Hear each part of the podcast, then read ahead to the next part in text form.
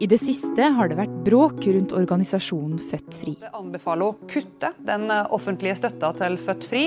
etter en Men bråket handler ikke bare om hvordan de har brukt alle millionene de har fått. Det handler også om hvordan de fikk dem. For her er det snakk om en helt spesiell politisk ordning. Denne saken knyttes jo veldig tett til eh, partiet Venstre generelt, og Abid Raja spesielt, som hadde en sentral rolle både i å skaffe organisasjonen penger, og egentlig også å starte den. Det her er forklart fra Aftenposten. Jeg er Marit Eriksdatter Gjelland, og i dag er det tirsdag 29. september. Født Fri skal lage rom for at hver generasjon skal skape sin frihetskamp selv. I 2017 så ble Født Fri danna. En organisasjon som skulle kjempe for likestilling og mot negativ sosial kontroll.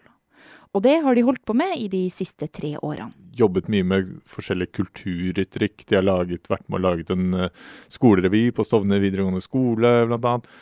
Arrangementer og foredrag og den type ting rundt på skoler og litteraturhus og sånne ting.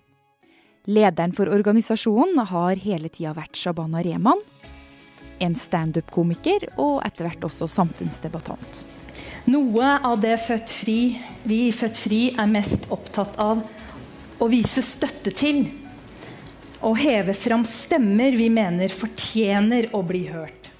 Hun er, var virkelig en av de første, i hvert fall en av de første kvinnelige unge eh, stemmene med norsk-pakistansk bakgrunn i, i, offentligheten, som var da både vågal og kontroversiell og, og interessevekkende. og er jo ble jo kanskje aller mest kjent den gangen hun løftet mulla Krekar. Kollega Andreas Slettholm er en av dem som har vært interessert i debatten om Født Fri, som starta etter sommeren med saker i avisa Vårt Land.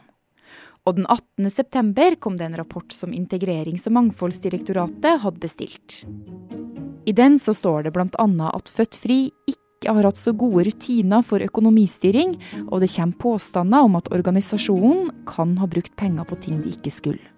I mediene så ble det jo mye oppmerksomhet rundt sånn type hotellregninger, London-turer, kanskje et litt sånn ekstravagant uh, forbruk. Og så sier jo da stiftelsen at uh, alt uh, dette er relevant for det arbeidet de har, har gjort. så vidt jeg har fått med meg, så har man kun angret eller beklaget da et innkjøp av en drone som skulle brukes i forbindelse med et filmprosjekt til 10 000 kroner. Ellers så, så, står hun inne for den pengebruken og mener at det er i tråd med det mandatet som de har. Advokaten til Født Fri er helt uenig i resultatet i rapporten, og mener den er prega av hastverk. Shabana Rehman har sagt til VG at rapporten er bygd opp for at det skal se skeivt ut, og at den er full av feil. Noe av grunnen til at det har blitt så mye oppmerksomhet om det her, er at pengene til Født Fri de kommer fra staten. Og det er forskjellige måter organisasjoner kan få penger fra staten på. Som regel er det etablerte ordninger med tydelige kriterier. Sånn som f.eks. Eh, støtten til trossamfunn. Den baserer seg på antall medlemmer. sånn at eh, der er det en viss eh, kronesats per medlem, og så får alle de samme. Det er jo enkelt og greit. Andre ordninger kan være mye mer subjektive. Ta f.eks. Kulturrådet, støtten til eh, kunst og kultur her i landet. Der sitter det jo da et fagråd og vurderer ulike søknader som kommer inn, og så øh, finner de ut hvem de syns er best, og bevilger penger til det. Men det her, det var ikke tilfellet for Født Fri og noen få andre organisasjoner. For det er ikke det mulige interne pengerotet som er interessant, ifølge Andreas. Det som er vel så spesielt med hele denne historien, er jo hvordan denne organisasjonen fikk mange millioner kroner i statsstøtte uten at den eksisterte engang, og uten noen vanlig søknadsprosess eller uten noen åpne kriterier for uh, hva de skulle gjøre, uten noen uh, vurdering av om det var andre som var mer egnet til å uh, oppnå de målene som man ønsket med disse pengene.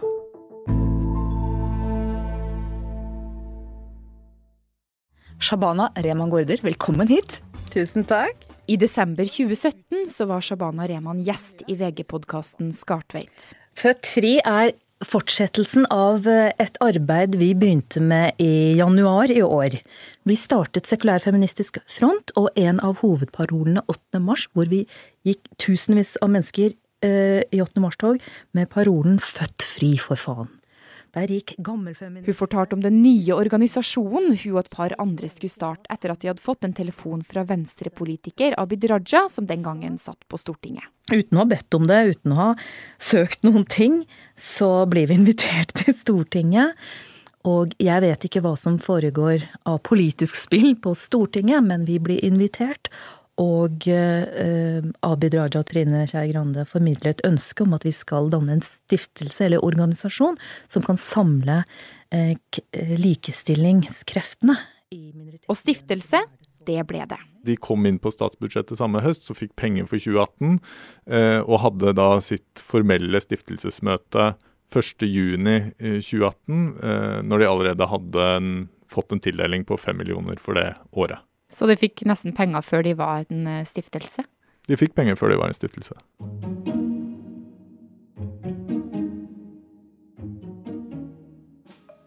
Dette var jo en tid hvor dette med negativ sosial kontroll i minoritetsmiljøer var veldig på agendaen.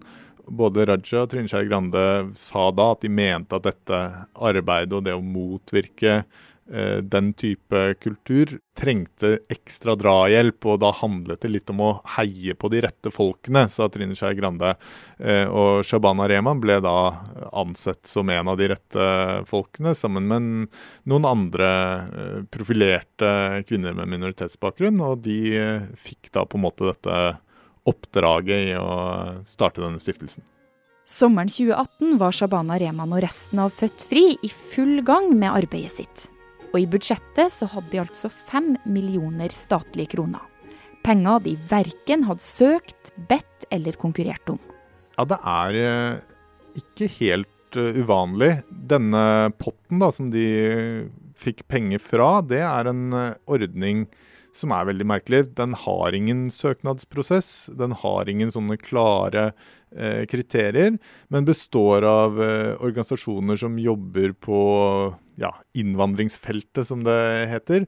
Og hvor da tildelingene også varierer fra år til år og ut fra sånne budsjettforhandlinger i Stortinget. Du har eh, masse flotte organisasjoner eh, der som gjør en viktig jobb, men akkurat hvorfor eh, NOAS, da, Norsk organisasjon for asylsøkere, får så og så mye penger det ene året og litt mindre det andre året. Det finnes ingen eh, logisk eh, grunn til det, men det er bare et eh, resultat av akkurat hvor mye Stortinget da forhandler seg fram til at eh, den enkelte organisasjon skal få. Så det er helt eh, tilfeldig, eller bare ut ifra eh, hestehandel mellom partiene? Ja, egentlig så, så, er det det. Det er jo mange andre ordninger hvor, hvor, Stortinget kan si at vi setter av så og så mye penger til, å, til en pott som folk kan søke om, ikke sant. Men uh, her så er det, og, og, på noen andre områder også, så er det sånn at uh, der er det direktebevilgninger til enkeltorganisasjoner som bestemmes på Stortinget, og som da uh, forvaltningen ikke har noe med, med, med, å gjøre, utover å sørge for at de da følger kriteriene og rapporterer riktig og følger de formelle kravene. Så politikerne gir egentlig bare penger til de organisasjonene og, og stiftelsene og gruppene som de selv vil? Ja. Statsråd Siv Jensen. Eide president, På vegne av regjeringen har jeg æren av å overbringe to kongelige proposisjoner. Det er statsbudsjettet for budsjettåret 2019 og skatter, avgifter og toll 2019. Hver høst så legger regjeringa fram det nye statsbudsjettet på rundt 1000 milliarder kroner. Det aller meste brukes på store ting som helsehjelp, skole og infrastruktur. Mye må søkes på og konkurreres om. Men så finnes det også en pott med noen titalls millioner som politikerne kan bli enige om å gi til dem de mener gjør en god jobb for integrering og mangfold.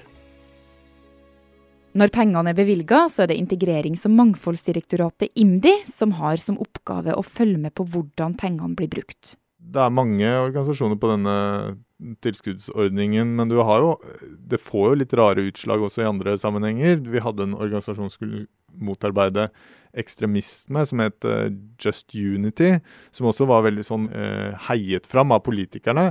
Og den ble jo nedlagt samme året som de fikk 900 000 kroner, og det visste åpenbart ikke politikerne at de, de, var på vei mot nedleggelse. Og tidligere år fikk de mer penger enn de klarte å bruke opp, sa styrelederen og sånne ting. Sånn at du har et sånn veldig sånn raus uh, holdning da, til organisasjoner du liker, uten at du egentlig har sikre tilstrekkelig kontroll og tilstrekkelig ja, forsvarlig saksbehandling. Da, at det er de som virkelig er best på dette, som får pengene.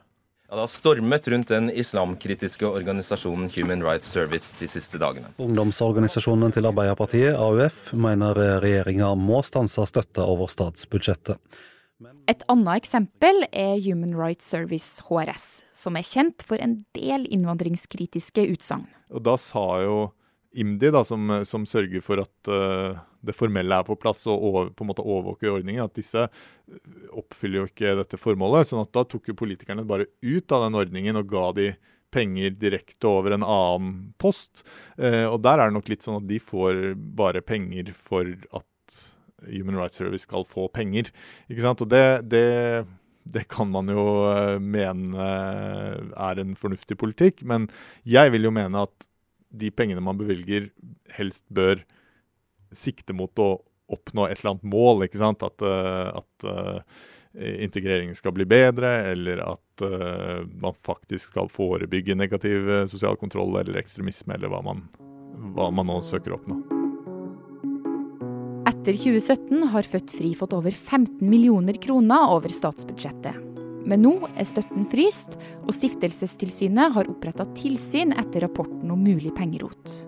Men hvorfor har vi denne tilskuddsordninga i det hele tatt?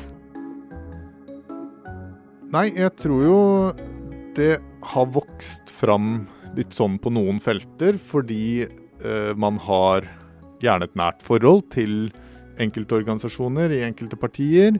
Eh, man syns de gjør en viktig jobb. De gjør en viktig jobb. Og, og det er ikke snakk om altså i et, et eh, statsbudsjett på over 1000 milliarder, så er jo disse tilskuddsordningene veldig små.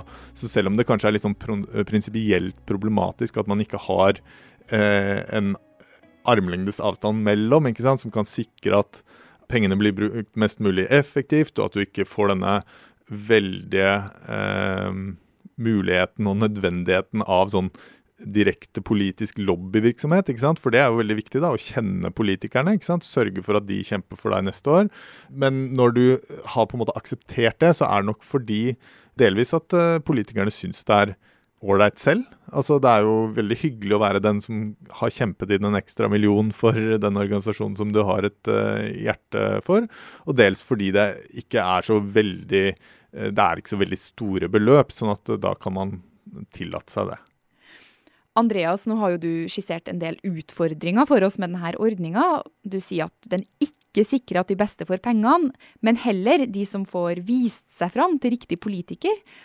Altså, Hvorfor får denne ordninga bare fortsette? Nei, vi har jo kanskje ikke hatt noen sånne saker som vi har fått nå med Født-Fri. Det gjenstår jo litt å se hvordan uh, endelig utfall den får. Men det er klart at hvis det uh, blir slått fast og blir konsensus om at her er det uh, gått mange millioner kroner til noe med et for uklart mandat, eh, som har eh, ja, fått penger på måter som kanskje ikke er prinsipielt holdbart, så tror jeg at det kan, kan, føre til en endring i måten den type tilskudd tildeles på. Og jeg vet også at det finnes mange politikere som selv synes at dette er problematisk og rart at man ikke sikrer en avstand som ser det prinsipielle problemet med det. Så det kan være at det, det, det, får fortsette, men hittil så har vi på en måte ikke hatt noen sånne, uh, sånne ja, kall det skandaler av, av, den typen at penger er brukt på en måte som, som mange uh, reagerer på. Derfor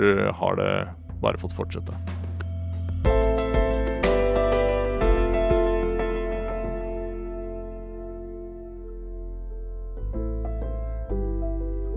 Denne episoden er laga av produsent Anne Lindholm og meg, Marit Eriksdatter Gjelland. Resten av Forklart er Fride Nesten Onsdag, Andreas Bakkefoss og Karoline Fossland.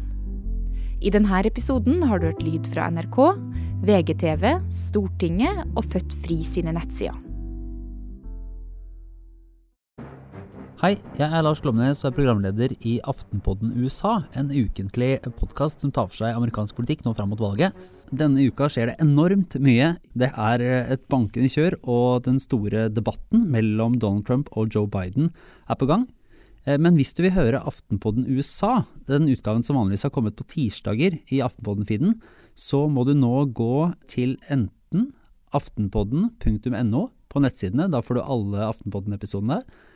Eller hvis du har en iPhone, så kan du gå til Aftenposten-appen, trykke på lytt nederst i menyen der, og der får du alle Aftenpostens podkaster, inkludert Aftenpodden USA, som nå er tilgjengelig for abonnenter.